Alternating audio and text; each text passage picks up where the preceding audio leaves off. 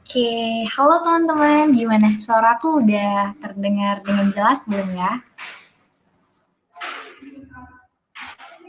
Uh, Oke, ada suaraku udah terdengar dengan jelas? Oke, kalau gitu aku langsung aja mulai ya. Tapi sebelum itu aku punya nih sedikit pantun buat teman-teman tabula pada malam hari ini. Dengerin ya.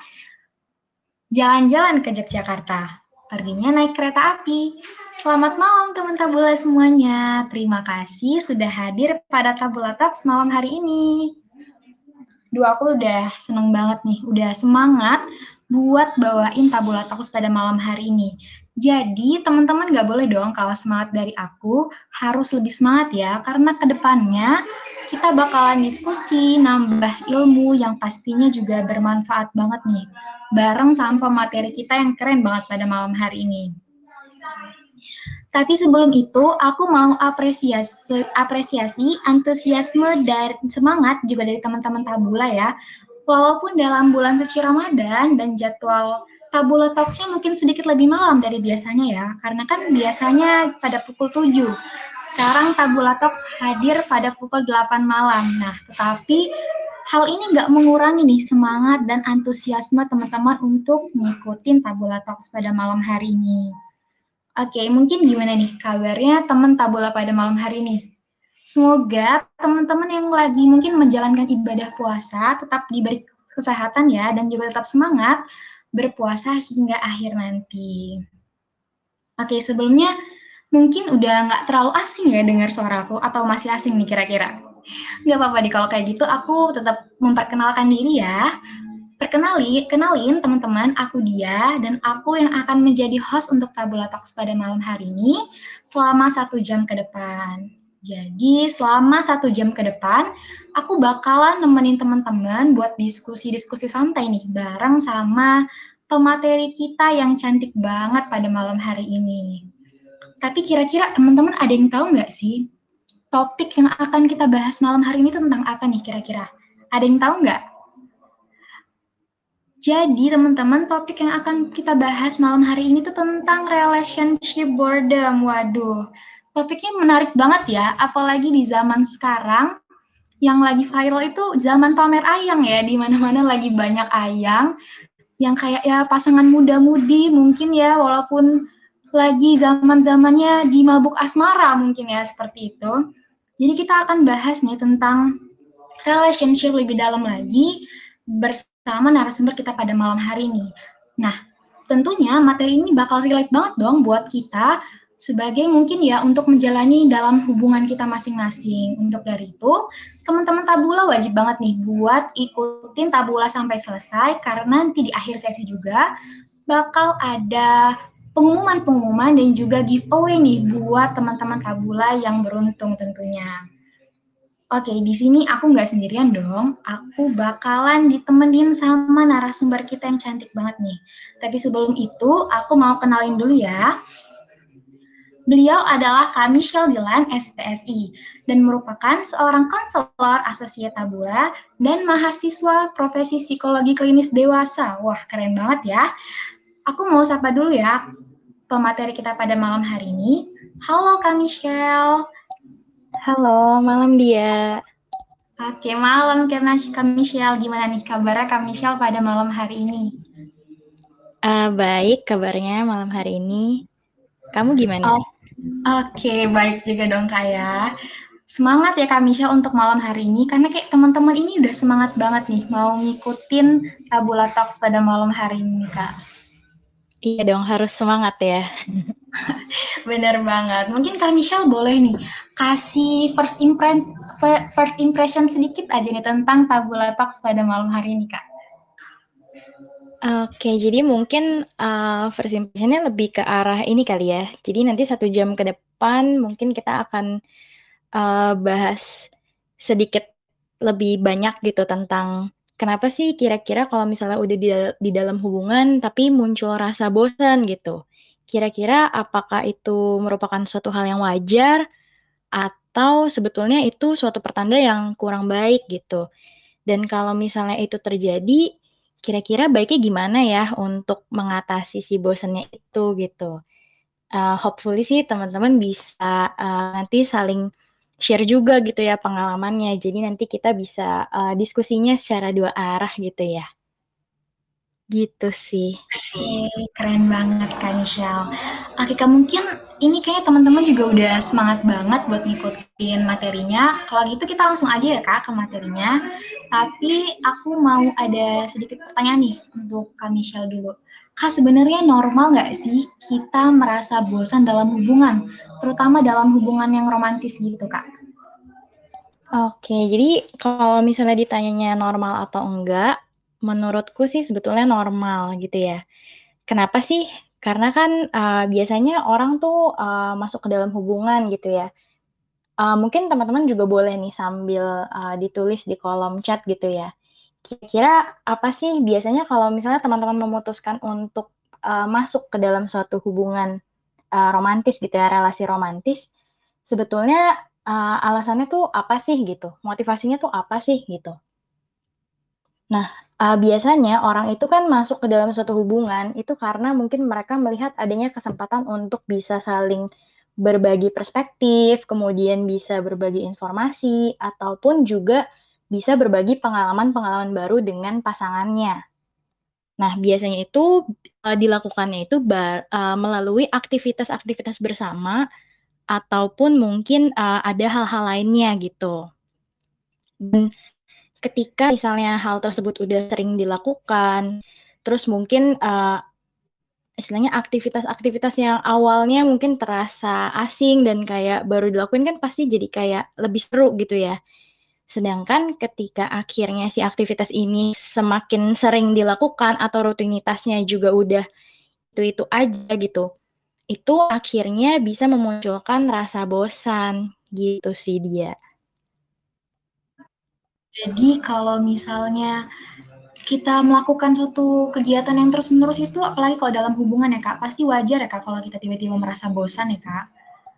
Betul, dan sebetulnya, uh, kalau dalam hubungan itu kata kuncinya ada dua, kenapa dia bisa sampai ke arah boredom, ke arah bosan, yaitu kurangnya novelty atau kebaruan dan juga kurangnya stimulation atau stimulasi. Jadi, uh, ketika hubungan itu, uh, kurang nih ada kayak kebaruan maksudnya kayak aktivitasnya, rutinitasnya, atau mungkin hal-hal lainnya yang memang, uh, sifatnya baru gitu, atau juga kurang stimulasi, itu bisa berdampak ke gimana si individu itu sebagai pasangan, uh, memaknai hubungannya gitu. Iya, kalau kalau gitu Kak Kenapa sih Kak kira-kira kita ini bisa merasa bosan Kak? Kan kita sama orang yang kita sayang ya Kak. Aturannya hmm. rasa bosan itu mungkin bisa terminimalisir nggak sih Kak? Nah, sebetulnya tadi kan uh, dia sempat bilang juga nih ya, padahal kita sama orang yang kita sayang dan juga mungkin sama orang yang pastinya uh, bikin kita ngerasa nyaman gitu kan. Tapi mungkin yang harus di-highlight adalah uh, ketika kita udah nyaman sama seseorang, kita juga udah sayang sama seseorang, itu tuh nggak menjamin bahwa kita tuh nggak akan pernah bosan sama orang itu gitu.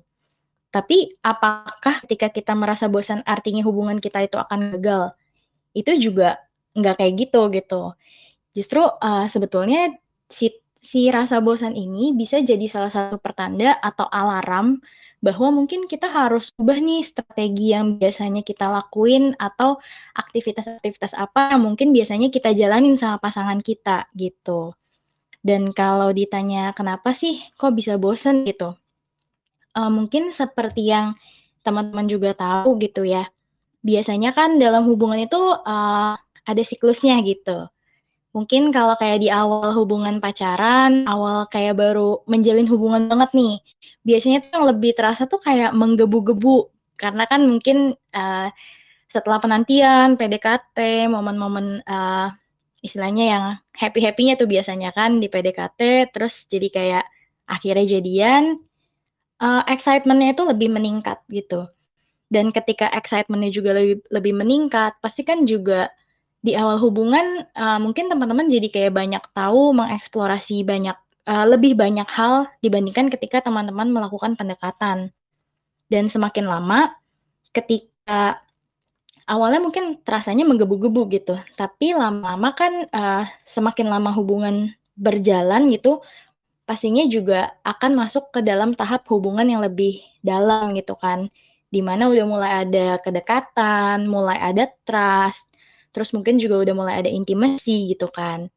Nah, ketika memang di awal itu banyak, uh, eksplorasi, penemuan-penemuan baru, bisa explore ini dan itu, semakin lama semakin, uh, udah kenal, semakin dalam, itu bisa aja akhirnya, uh, jadi ngerasa bosan itu sendiri. Karena balik lagi tadi ke dua kata kuncinya, karena udah nggak ada sesuatu yang sifatnya baru atau novelty dan kurang stimulasi atau stimulation-nya, gitu.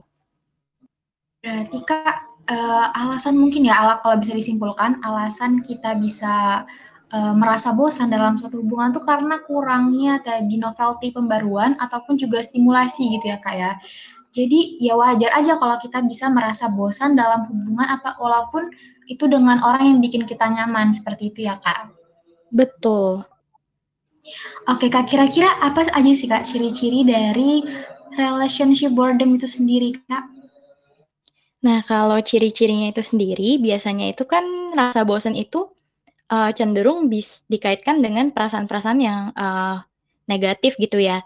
Misalnya kayak kurangnya, uh, excitement, terus juga bisa ada mulai ada rasa lelah, terus juga ada yang disebut sebagai low pleasure atau, uh, menurunnya rasa kayak senangnya gitu, dan low arousal. Jadi kayak lebih ke arah uh, rangsangan atau kayak, uh, perasaannya tuh lebih, uh, lebih low gitu loh, lebih datar gitu.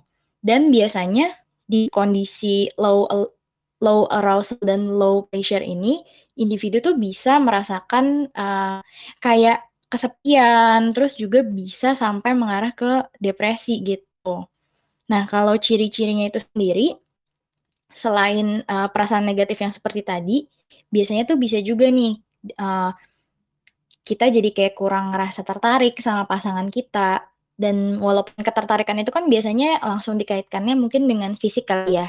Tapi kalau ini sebetulnya bisa, uh, ke arah kehidupan, terus juga mungkin kalau sebelumnya kita benar-benar kayak peduliin perasaan pasangan kita, kalau misalnya kita mau melakukan sesuatu, ini tuh kita jadi kayak, ya udahlah, uh, kalau kita melakukan sesuatu kayak ya udah nggak terlalu nggak nggak harus mikirin kira-kira dampaknya apa ya ke perasaan pasangan kita gitu. Terus juga mungkin bisa aja nih di adanya uh, rasa udah nggak tertarik lagi dengan misalnya pasangan kita lagi ada hobi baru atau interest baru gitu. Tapi kita kayak oh ya udahlah biarin aja dia explore sendiri gitu tanpa kita pengen tahu lebih dalam.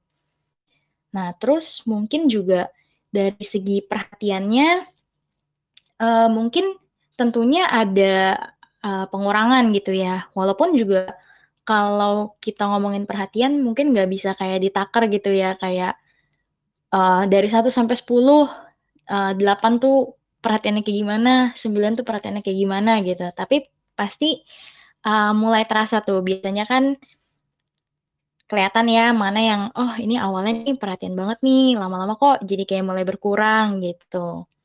Nah, terus mungkin bisa juga nih kalau misalnya lagi ngobrolin tentang masa depan hubungan gitu, justru itu malah menimbulkan perasaan yang kurang menyenangkan. Jadi kayak justru bisa berasa kayak tertekan atau berasa kayak, aduh sebenarnya nih hubungan emangnya masih bisa berlanjut ya? Emangnya hubungan ini masih bisa bertahan ya? Gitu. Terus juga bisa nih misalnya jadi kayak merasanya tuh lebih nyaman atau lebih kayak Excited-nya kalau misalnya ngabisin waktu dengan orang lain gitu, dengan teman-teman gitu ya contohnya gitu, daripada sama pasangan sendiri. Dan biasanya juga, uh, ketika kita ngerasa bosen atau ngerasa nggak nyaman gitu ya sama pasangan kita, pasti deh mulai muncul tuh, uh, salah satu kalau menurut aku sih ini kayak kebiasaan buruk dari, uh, kebanyakan orang gitu ya, yaitu comparing atau banding-bandingin. Nah, ketika mulai rasa mulai ada nih, uh, rasa ngebanding-bandingin, biasanya juga mulai sejalan dengan adanya keinginan untuk mengubah pasangan kita gitu, atau juga mengubah hubungannya. Karena kan mungkin kayak ngerasa bosen, terus kayak, "Ih, coba ya pacar gue bisa lebih uh, seru, pacar gue bisa ngajak gue ke sini, uh, yang kayak gitu-gitu. Dan mungkin kalau di awal sempat kayak berasanya, oke nih yakin sama uh, yakin sama orang ini untuk jadi pasangan karena ngerasa banyak hal yang sama gitu ya, banyak kesamaan, banyak uh, satu visi, satu misi. Ketika ngerasa bosen bisa banget jadi kayak berasanya tuh kayak, ih kok udah nggak sejalan ya gitu. Dan itu juga bisa menghambat kita untuk uh, jadi kesulitan untuk mencari topik gitu. Juga ya makanya uh, ketika misalnya jadi kesulitan mencari topik terus ngerasa jadi kayak seolah kayak udah sensi gitu ya. Jadi bisa gampang sen uh, tersinggung juga ataupun terganggu dengan uh, sikap pasangan atau omongan pasangan dan sebaliknya juga. Dan yang jelas kalau udah uh, hal tersebut udah mulai terjadi biasanya tuh uh, makin ini nih makin muncul juga uh, rasa ketertarikannya udah berkurang. Yang akhirnya juga bisa jadi bikin kita nggak menghargai satu sama lain lagi dengan seperti yang sebelumnya gitu sih. Kak, berarti tadi kan kalau misalnya bisa disimpulin, mungkin ciri-ciri kita ada di tahap relationship boredom itu kayak kita tuh udah mulai nggak tertarik sama pasangan ya kak ya. Jadi kalau misalnya mungkin biasanya kita sering bahas tentang hobi, perasaan ataupun kehidupan sama pasangan, kita tuh udah mungkin udah mulai berkurang ya kayak pengen bahas sama pasangannya tersebut. Terus juga mungkin perhatian yang kita berikan juga cukup kurang, juga mengurang. Terus juga kalau udah mulai ngomongin masa depan nih kayaknya interest kita tuh kurang gitu. Malah kita bisa jadi merasa tertekan gitu ya kak. Terus juga kita bahkan kalau misalnya itu uh, bisa muncul rasa ingin mengubah pasangan ya kak dan akhirnya juga kita kesulitan mencari topik dan juga mer tidak merasa enjoy ketika uh, lagi sama pasangan. Aduh, menarik banget ya teman-teman. Ini juga ciri-cirinya mungkin bisa apa ya kita terapkan dalam hubungan romantisme teman-teman masing-masing mungkin ya. Oke kak, kira-kira gimana sih kak? Kan tadi udah dijelasin ya kak ciri-cirinya. Terus sekarang gimana nih cara ngatasin relationship boredom itu sendiri kak? Nah, uh, jadi kalau dari caranya sendiri itu, kira-kira uh, bisa juga nih dengan sambil ditanyain ke dalam diri teman-teman sendiri gitu kan. Kira-kira kalau ngerasa bosen itu, bosennya tuh karena apanya ya? Apakah karena situasinya ataukah karena faktor lainnya gitu? Dan uh, sebetulnya memang biasanya rasa bosan itu kan erat kaitannya sama uh, perasaan-perasaan yang cenderung negatif gitu ya. Jadi biasanya juga mungkin uh, entah kenapa gitu, rasa bosan itu dikaitkannya dengan, uh, pemikiran bahwa apa ini pertanda untuk, uh, selesai gitu ya, untuk menyerah aja gitu, atau juga, ya udahlah nanti juga berlalu gitu. Padahal sebetulnya ketika, teman-teman mungkin merasa bosan gitu ya dengan pasangannya, itu bisa jadi salah satu pertanda atau alarm yang, uh, cukup baik gitu untuk teman-teman justru take action gitu. Kira-kira bisa ngelakuinnya apa aja sih? Sebetulnya yang bisa dilakuin tuh ada cukup banyak gitu ya. Bisa dilakukan, uh, secara aktif, aktif juga aktif itu berarti melibatkan si pasangannya atau secara pasif. Kalau secara pasif itu adalah strategi-strategi atau cara-cara yang biasanya teman-teman lakukan tapi hanya melibatkan diri sendiri. Misalnya, uh, kayak membaca, mendistraksi diri, itu kan lebih ke arah pasif. Sedangkan kalau aktif itu uh, melibatkan pasangan bisa dengan kayak ngajak ngobrol, terus mungkin mencari uh, aktivitas-aktivitas lain yang bisa dilakukan. Ini mungkin aku juga izin share untuk ada satu foto gitu ya. Jadi di sini berdasarkan salah satu penelitian ada nih beberapa top strategi yang bisa dilakukan. Nah, apakah teman-teman sudah menerimanya di kolom chat?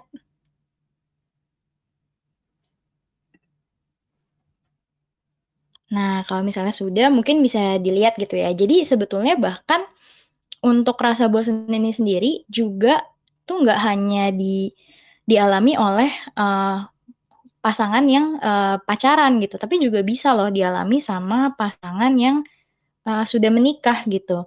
Dan biasanya kalau misalnya kita lihat sama-sama nih, yang biasanya bisa dilakukan adalah, uh, nomor satu untuk yang dating couples ya, itu bisa, uh, mencari hal-hal yang baru gitu. Karena kan tadi prinsipnya ada dua ya, novelty dan stimulation gitu. Jadi kalau untuk yang try new things ini mungkin lebih ke arah yang novelty-nya gitu. Dan juga bisa stimulation. Biasanya kalau untuk yang stimulation itu adalah aktivitas-aktivitas yang memang sifatnya bisa, uh, bikin kita tuh lebih kayak, apa ya, aktivitas yang tidak bis yang jarang untuk kita lakukan sehari-hari. Misalnya kayak, uh, naik kuda gitu, kayak horse riding gitu. Itu kan sebetulnya seru gitu kan, maksudnya suatu aktivitas yang baru dan juga bisa menstimulasi, uh, kita gitu loh, karena itu tidak uh, biasanya tidak dilakukan sehari-hari kecuali memang mungkin teman-teman, uh, ikut kursus atau memang, uh, sudah rutin berkuda gitu ya. Terus juga ada, uh, talk to partner karena memang salah satu cara untuk bisa keluar dari rasa bosan juga dengan mengkomunikasikannya gitu kan. Misalnya kayak, "Iya nih ngerasa bosennya karena gini, ngerasa nggak nyamannya karena ini," gitu. Kemudian nanti bisa mencari, mmm, cara-cara kira-kira apa ya yang bisa dilakukan dari dua belah pihak gitu.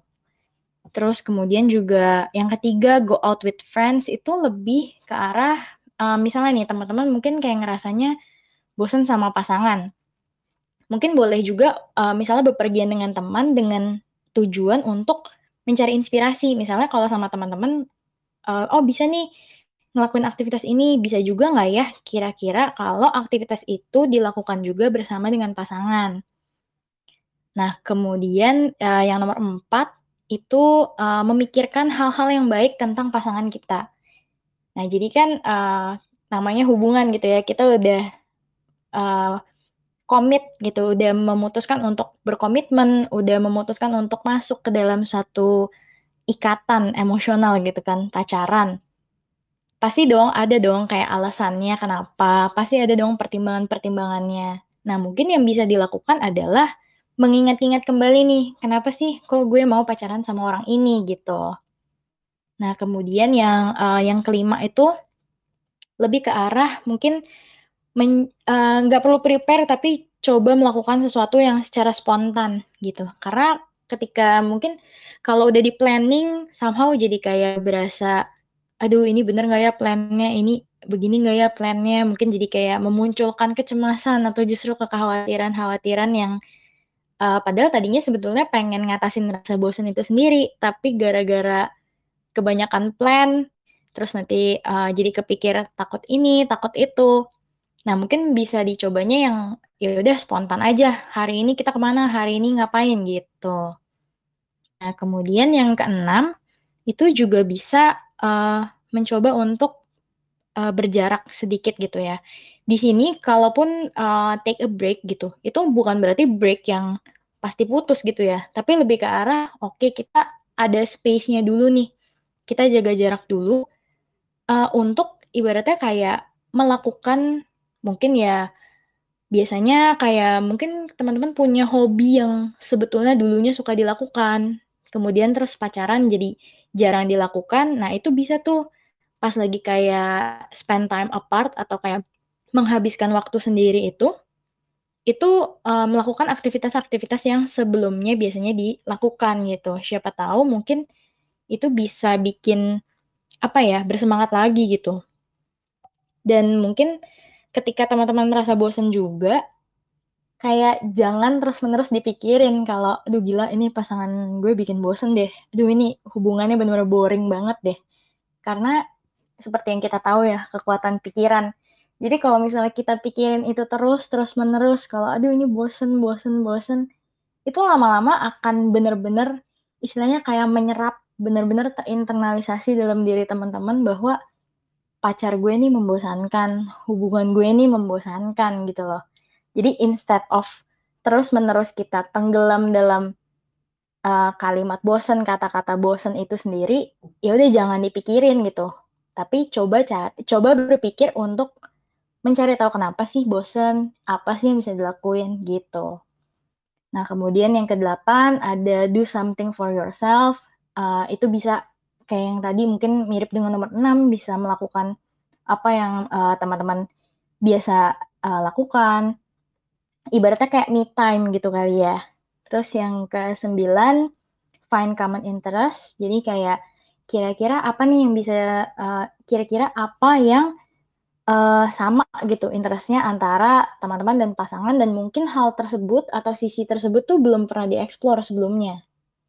Kayak gitu sih. Nomor 10 juga kurang lebih sama seperti yang uh, tadi yang nomor 6 dan nomor 8. Nah, kalau list yang 10 ini memang uh, didapatkan dari salah satu penelitian. Nanti mungkin teman-teman bisa baca juga nih sumbernya itu ada dari udah aku sertakan di bawah uh, tabelnya gitu. Jadi nanti kalau misalnya ada yang penasaran, pengen tahu lebih uh, lanjut lagi kira-kira strateginya apa aja yang pernah apa yang yang cukup berhasil nih dilakukan di beberapa di uh, penelitian ini gitu. Kurang lebih seperti ini gitu.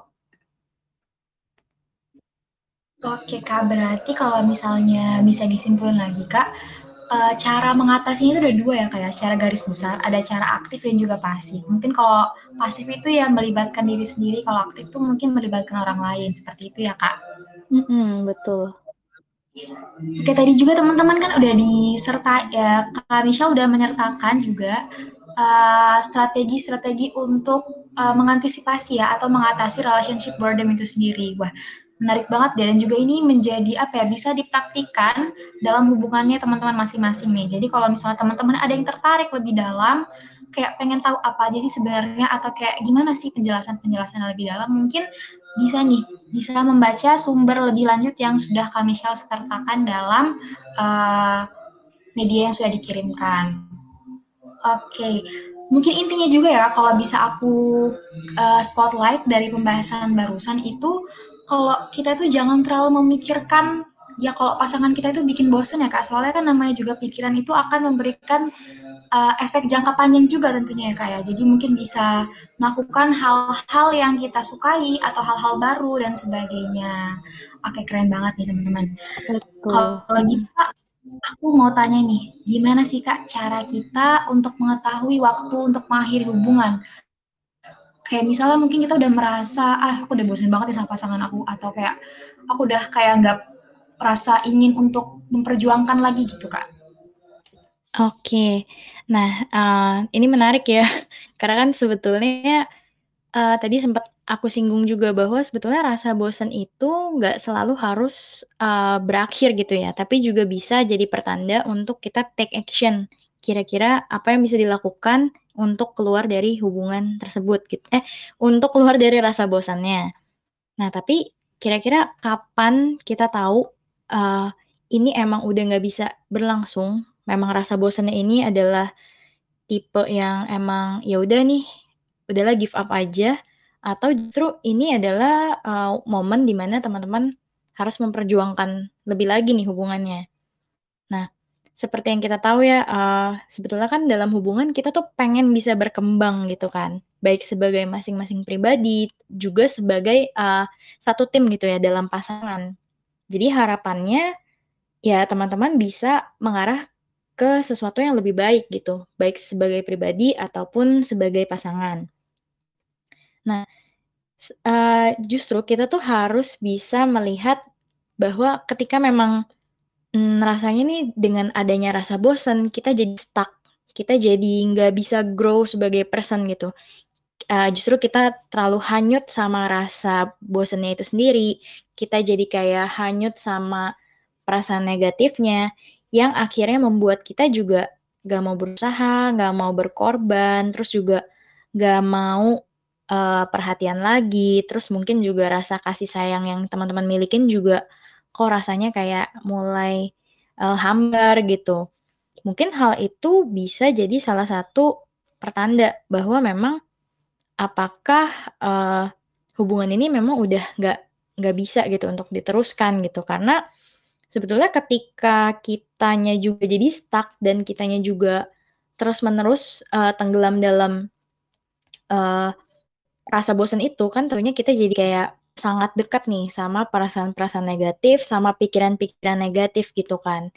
Dan ketika memang kita lebih memilih untuk, ya udah, uh, udah nggak mau bener-bener udah nggak ada yang bisa gue lihat bahwa gue bisa berkembang dengan orang ini, memang secara misalnya udah udah coba dipikirin gitu ya, udah bersemedi, udah bertapa, bener-bener mikirin, kira-kira ini masih worth it atau enggak, kira-kira rasa bosan ini masih bisa dihilangin atau enggak.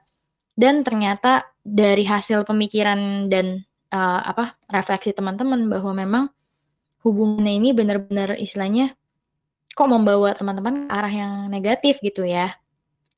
Mungkin itu jadi salah satu uh, pertanda gitu ya. Karena sebetulnya penyelesaian dari rasa bosan itu bukanlah keluar dari hubungannya. Tapi ketika memang teman-teman merasa bahwa kesempatan untuk berkembangnya itu udah nggak ada, atau kayak ya udah emang udah bener-bener nggak bisa nih untuk uh, dia berkembang, gue berkembang.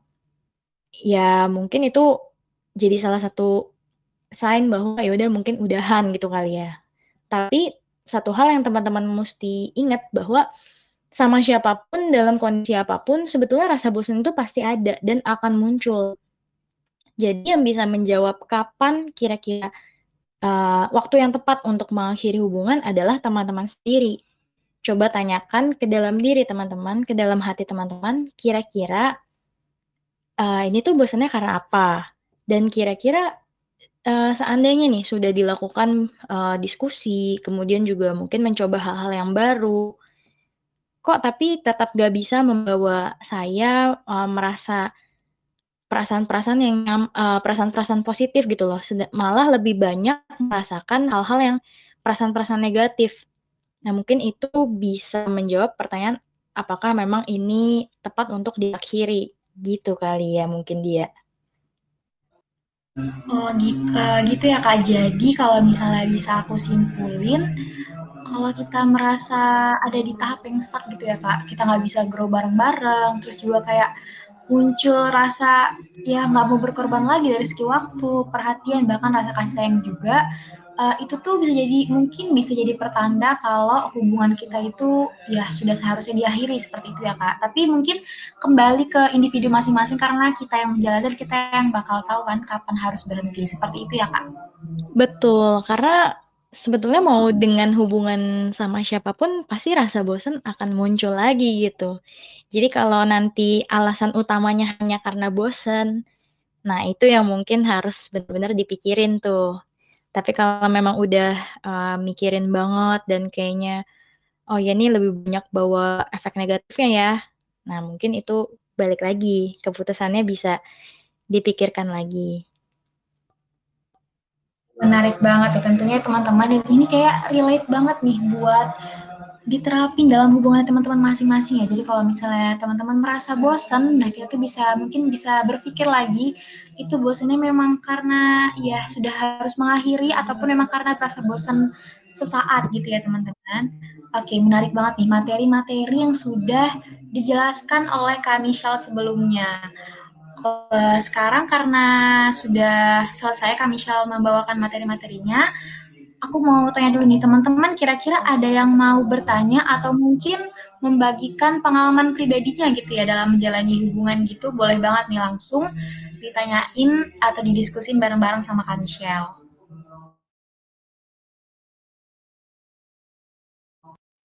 Kira-kira udah ada belum yang pengen bertanya teman-teman? Kalau misalnya belum ada nih, mungkin aku dulu ya yang bertanya, nggak apa-apa ya Kak Michelle? Boleh, boleh. Oke Kak Michelle, sekarang kan lagi rame banget nih Kak, yang soal pembahasan love language ya Kak. Nah aku mau tanya nih Kak, kira-kira ada nggak sih Kak tipe love language tertentu yang cenderung itu cepat merasa bosan atau malah jadi faktor uh, munculnya rasa bosan dalam suatu hubungan gitu Kak?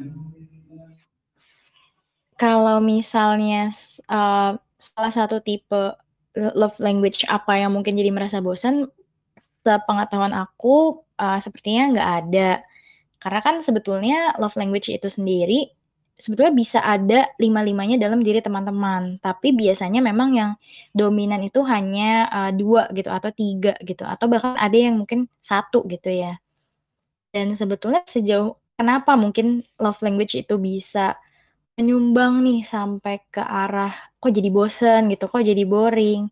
Balik lagi mungkin karena love language-nya itu uh, tidak kan masing-masing pasti punya ekspektasi ketika misalnya kayak love language-nya uh, words of words of affirmation gitu.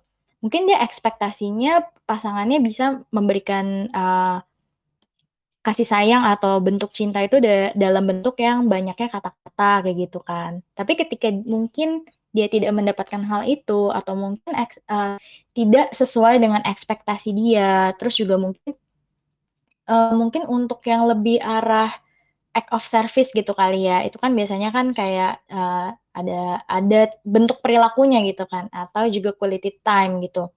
Misalnya uh, dengan orang-orang yang seperti itu punya love language punya love language uh, act of service ataupun uh, quality time. Terus mungkin mereka expect nih uh, pasangannya bisa ngajak mereka untuk melakukan aktivitas-aktivitas yang mungkin lebih baru atau segala macam. Tapi ternyata uh, ekspektasi tersebut nggak kesampaian nih. Terus mungkin kemudian jadi kayak merasa kurang dicintain. Ya balik lagi itu bisa mengarah ke kebosanan. Tapi kan sebetulnya ketika memang uh, pasangan ini sama-sama mau du saling duduk, saling bahas bahwa memang oke okay nih, uh, gue paling merasa dicintain kalau gue kayak gini gini gini ya, kalau lo kayak gimana.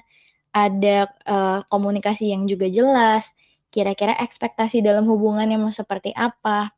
Aku rasa sih sebetulnya mungkin love language itu justru bisa jadi penguat teman-teman nih untuk uh, menghindari si rasa bosan itu sendiri gitu.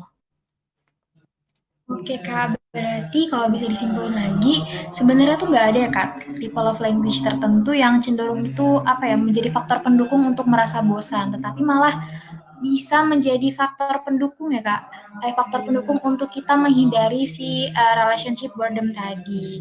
Jadi intinya lebih ke komunikasi antar pasangan seperti itu ya Kak ya? Yes, benar. Oke, mungkin teman-teman udah ada yang mau bertanya atau mungkin share pengalaman ini tentang hubungannya ya. Dikali ke hubungannya, boleh banget nih.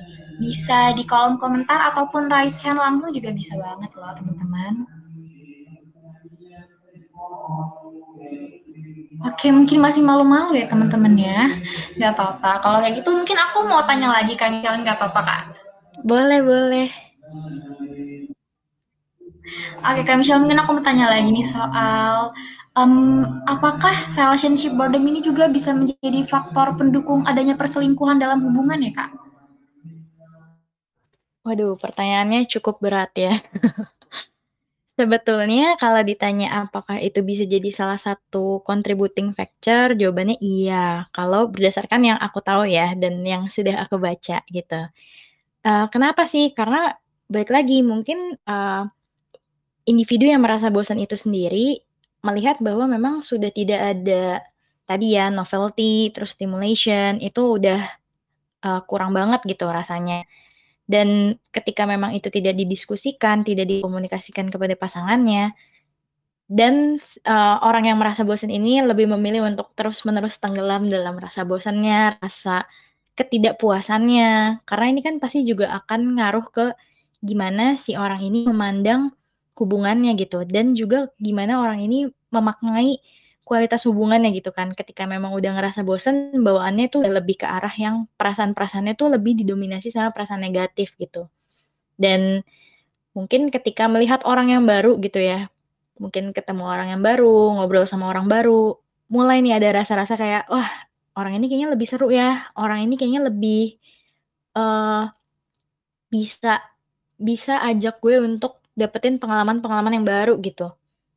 Kalau ditanya apakah bisa jadi selingkuh, ya bisa-bisa aja. Balik lagi tergantung individunya ya, karena kan sebetulnya keputusan untuk uh, selingkuh itu hmm, balik lagi ke masing-masing individu gitu. Walaupun sebetulnya banyak juga kok orang yang ngerasa bosen tapi justru mereka kayak memikirkan cara-cara lain, cara-cara untuk bisa uh, keluar dari rasa bosennya atau justru yang kayak ya udah bos uh, bosen udah pasti ada, ya udah jalanin dulu aja gitu. Tapi ketika memang individu ini memutuskan untuk selingkuh, aku rasa karena itu memang ya shortcut-nya mungkin kali ya dari orang itu gitu ya, kayak ya udahlah, uh, bosen, ya udah sambil cari-cari aja gitu, mungkin kayak gitu, kalau dikaitkan dengan perselingkuhan. Oke, Kak Michelle ini kebetulan ada yang raise hand, mungkin bisa oh nggak jadi ya katanya. Ini kakak yang profilnya bunga ini mau jadi bertanya atau gimana kak? Mungkin nih mumpung lagi ada Kak Michelle nih kita bisa bahas-bahas sama-sama kan? Iya, ayo boleh tanya. Oh mungkin belum. Uh, oh mungkin belum jadi ya kak, mungkin masih malu-malu nggak apa-apa. Oke, okay, tadi udah dijelasin ya teman-teman. Jadi mungkin uh, relationship boredom ini bisa menjadi faktor pelingkuhan ya kak.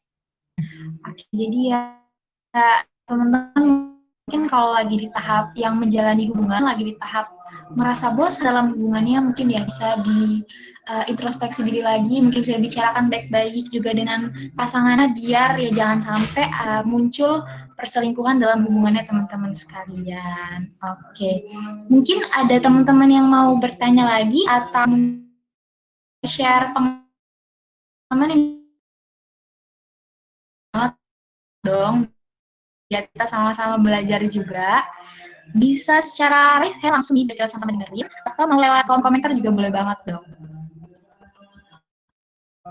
Oke, belum ada kayaknya ya, masih malu-malu nggak apa-apa. Mungkin aku mau tanya Kak Michelle, Kak Michelle kira-kira punya pengalaman seputar relationship burden itu sendiri nggak sih Kak? Mungkin bisa di-share ya Kak, kalau Kak Michelle berkenan sama teman-teman juga. Boleh. Uh, kalau ditanya pernah atau enggak, pasti pernah. Jadi, uh, memang saat itu uh, aku ngerasa bosen gitu ya dengan pasanganku uh, sekarang udah jadi mantan sih udah berlalu lama juga. Mungkin saat itu yang jadi uh, penyebab kenapa bisa bosen adalah saat itu memang uh, kami sama-sama udah kerja udah bekerja gitu. Terus jadinya rutinitasnya tuh uh, lebih terbatas. Mungkin yang kalau sebelumnya masa-masa uh, yang ya aku kuliah itu masih bisa kayak lebih eksplorasi gitu ya, masih bisa pergi-pergi. Ini sih terjadinya kurang lebih di tahun 2019 gitu ya. Jadi memang aku juga udah bekerja, terus uh, mantan pasanganku juga bekerja dan ketika sama-sama kerja, mungkin di weekend itu jadi uh, sebetulnya pengen me time gitu, pengen spend time alone, pengen bisa mungkin ngob uh, ketemu sama teman-teman gitu. Tapi akhirnya jadi kayak Uh, bukan memaksakan sih, tapi kayak mungkin normalnya gitu kan berpikirnya, ya udah weekend pasti jadi ketemu dong sama pasangan karena, uh, weekdays-nya udah sibuk kerja nih. Dan ketika hal tersebut, uh, pas ketemu pun misalnya kayak pacaran jadinya kayak cuman ketemu paling nonton, ketemu makan, ketemu, uh, cuman olahraga gitu misalnya. Dan itu terus-menerus mengu ter apa, diulangin, nah di situlah akhirnya sempat ada rasa bosen tuh. Tapi, um, bagaimana akhirnya aku waktu itu bisa keluar dari rasa bosan adalah ini sih, coba untuk dikomunikasiin dan didiskusiin, bahwa memang iya nih sama-sama udah ada kesibukan dan iya nih, uh, kok kayaknya rutinitas yang dilakuin tiap weekend kok itu-itu aja ya, kayak coba dong, uh, cari hal-hal baru yang lebih menarik, cari uh, coba dong cari kira-kira kegiatan apa yang bisa kita lakuin bareng gitu. Akhirnya dari situ mulai deh kayak bikin panduan aktivitas gitu. Jadi kayak misalnya, oke okay, di minggu ini uh, kita mau masak-masak, kita belanja. Jadi kayak mulai dari belanja bahan-bahannya, uh, bahan-bahan masaknya, sampai masaknya, sampai makannya kayak gitu. Terus mungkin di minggu depan kira-kira mau ngapain nih kayak gitu. Waktu itu sih yang aku lakuin seperti itu dan menurut aku, uh, ketika memang ada rasa bosan atau ketika ada sesuatu yang, uh, mungkin dirasa mengganggu gitu ya dalam hubungan, kayak better segera komunikasikan gitu, segera didiskusikan. Daripada, uh, adanya rasa perasaan-perasaan negatif itu terus-menerus menumpuk dan akhirnya mengarah ke sesuatu yang mungkin kita sebenarnya nggak pengenin gitu atau kita belum siap. Kalau pengalamanku itu sih dia. Ya, terima kasih banget nih Kak Michelle udah sharing pengalamannya ya soal hubungannya Kak Michelle yang yang sebelumnya. Mungkin teman-teman ada nggak nih yang mau bertanya lagi nih? Aku mau tanya lagi ada atau mungkin membagikan pengalamannya juga seperti Kak Michelle ya. Biar kita juga sama-sama belajar. Ada nggak ya kira-kira?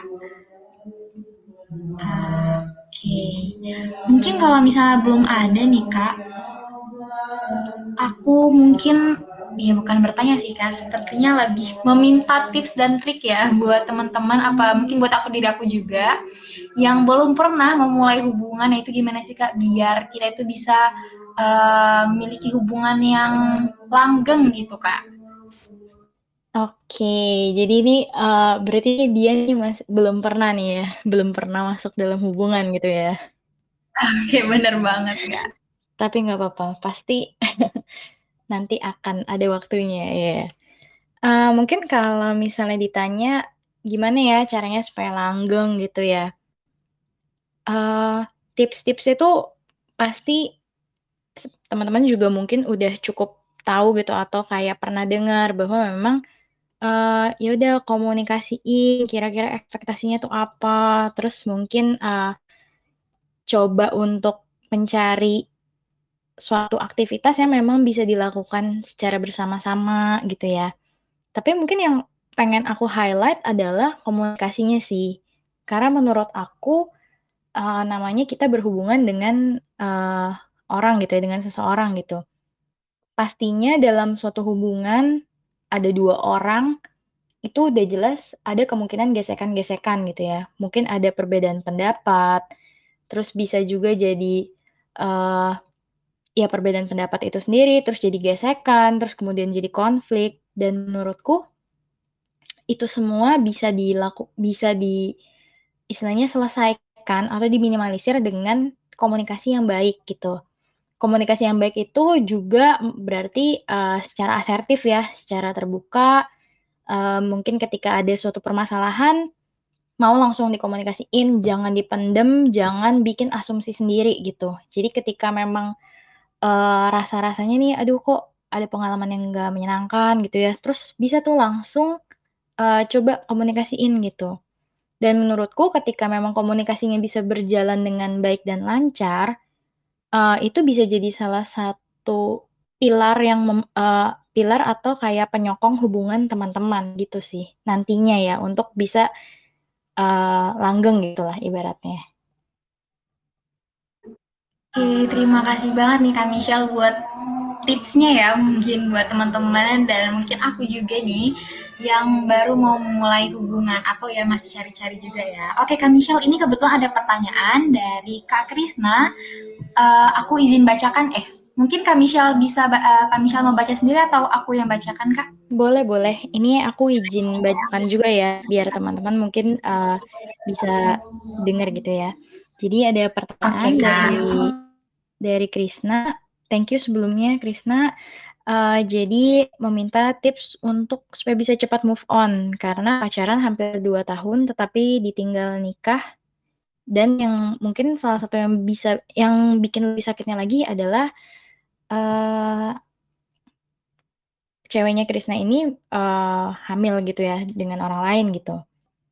Nah mungkin kalau untuk uh, move on gitu ya, hmm, itu kalau bicara move on itu sebetulnya suatu perjalanan, suatu proses yang bisa maju dan mundur gitu.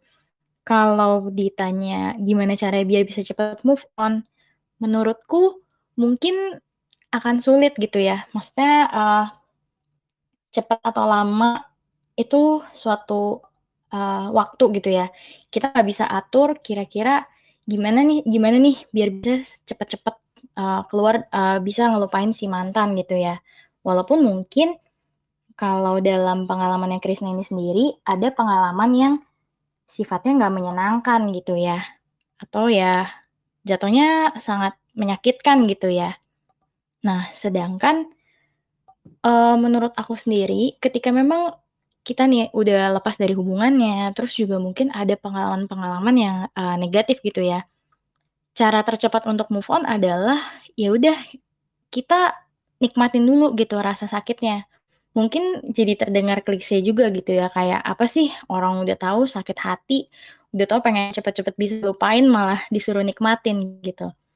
Tapi sebetulnya menurutku, uh, kalau misalnya kita mau cepet-cepet move on, kita mau cepet-cepet bisa lupain orang itu apakah benar ketika kita, uh, merasa kita udah, ya udah udah bisa nih, udah bisa lupain, apakah benar nggak ada sisa-sisa nantinya ketika misalnya kita lihat si mantan atau ketika kita, uh, mungkin keinget lagi memori, uh, tentang mantan dan tentang hubungan kita yang sebelumnya pernah dijalin gitu. Jadi sebetulnya ya ketika memang lagi ada rasa sakit, rasa patah hati itu, memang kita harus bisa menerima rasa sakitnya itu dulu gitu. Kalau misalnya dibilang, "Ya udah ini saatnya untuk bersedih-sedih," ya udah sedih-sedih dulu aja gitu.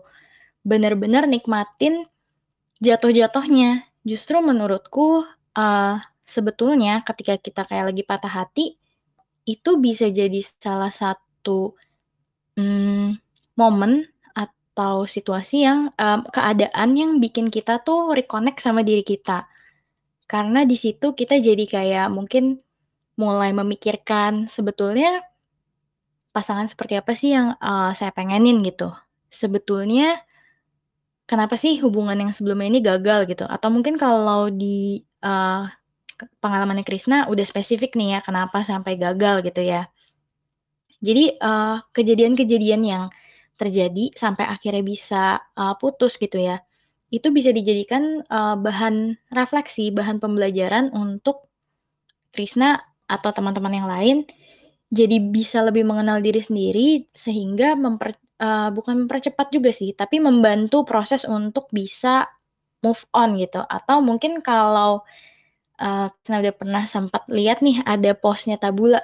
Jadi kita itu bukan move on, tapi lebih ke moving forward, di mana ya kita nggak akan pernah bisa untuk melupakan masa lalu seutuhnya. Karena suka nggak suka, kita tuh udah pernah menjalin, uh, berbagi pengalaman, banyak sharing ya emosi juga, perasaan, ke orang itu gitu loh. Yang bisa kita lakukan sekarang adalah terus melangkah dan berjalan ke depannya. Berarti ya ketika memang itu ada rasa sedih, ada rasa nggak nyamannya, itu semua harus dilaluin dulu, harus diterima harus dirasakan dan kemudian, uh, sambil, uh, dipikirkan gitu, memikirkan kira-kira apa sih yang saya pengenin, apa yang bisa saya pelajarin dari hubungan sebelumnya gitu. Kalau menurutku sih kayak gitu, walaupun memang, uh, pastinya sakit ya kalau dengan kasus yang seperti ini gitu. Karena mungkin ya ada ada waktu yang sudah dihabiskan bareng gitu ya, 2 tahun, 2 tahun juga bukan waktu yang cepat, bukan waktu yang, uh, sebentar gitu kan. Tapi, ya udah harus putus itu aja. Menurutku ini adalah saat yang tepat untuk kamu mungkin, ya udah terima dulu, terima rasa sedihnya, ya udah, uh, jalanin aja kalau misalnya mau nangis, nangis dulu gitu. Tapi kalau setelah itu, ya udah sambil kamu memikir memikirkan apa yang bisa kamu lakukan gitu untuk diri kamu. Seperti itu, semoga menjawab ya, walaupun prakteknya pasti susah. Gimana? saya tadi saya 5% saja juga hasilnya bagus juga tapi paling harapannya sih bisa di atas 10%. Oke, sama-sama. Kemudian terima kasih nih. Oke Kak, terima kasih buat Kak Michelle atas tanggapannya dan Kak Krisna juga atas sharing uh, dan pertanyaannya juga. Semoga Kak Krisna bisa um, ditemukan di tahap yang lebih baik ya Kak ke depannya. Oke Kak, uh, mungkin aku izin bacakan ya Kak Michelle untuk pertanyaan selanjutnya. Uh, ini ada pertanyaan dari Kak Marcel. Jadi, uh, malam Kak mau nanya nih, apakah rasa bosan dalam hubungan bisa memberikan dampak positif Kak, baik dalam diri sendiri, pada pasangan, ataupun dalam hubungan? Oke, thank you Kak Marcel untuk pertanyaannya. Jadi, um, sebetulnya kalau untuk rasa bosan itu sendiri, bisa sih kalau misalnya dibilang jadi dampak positif karena uh, sebetulnya kalau tadi sempat aku bilang juga rasa bosan itu kalau misalnya dilihatnya sebagai sesuatu yang kayak ya udah ini bikin stuck, bikin nggak bisa ngapa-ngapain, itu akan mengarah ke hal yang negatif. Tapi ketika rasa bosan dimaknai sebagai sesuatu yang oke, okay, ini saatnya gue untuk take action, untuk gue mencari cara-cara baru gitu. Itu kan akan mengarah ke hal-hal yang lebih positif tuh. Dan kalau secara dampaknya itu sendiri, berarti lebih ke arah ini sih, self exploration. Jadi lebih ke arah bisa mengeksplor kira-kira oh mungkin cara-cara ini uh, strategi-strategi ini kayaknya kurang pas ya di saya gitu. Aktivitas-aktivitas ini kalau dalam hubungan pacaran kayaknya kurang menghasilkan uh, rasa yang menyenangkan ya, pengalaman yang menyenangkan ya. Oke, jadi dari di situ akhirnya ketika kita membiarkan diri kita untuk mengeksplorasi diri kita, mengeksplorasi mungkin keinginan pasangan, ekspektasi pasangan, tentunya juga akan membawa si hubungan ini ke arah yang lebih positif gitu ya. Entah bisa jadi lebih kuat, terus juga mungkin dari segi ekspektasi antar pasangan itu bisa uh, terfasilitasi nih. Gitu. Mungkin kalau dampak yang bisa dirasakannya seperti itu ya. Oke, terima kasih Kak Michelle atas jawabannya. Mungkin dari Kak Marcel sudah jelas Kak atau ada yang ingin ditanggapi lagi atau mau bertanya lagi nih mungkin?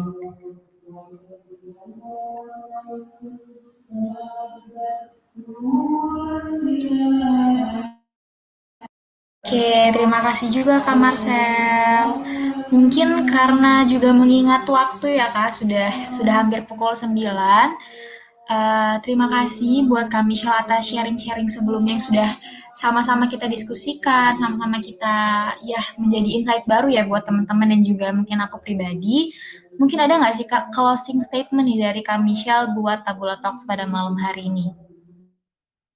Uh, mungkin kalau dari aku, ini sih ya, kalau misalnya ngerasa bosen, itu bukan berarti harus selalu, uh, mengakhiri hubungan gitu ya. Tapi justru, uh, teman-teman perlu untuk menyadari kira-kira bosennya itu karena apa sih?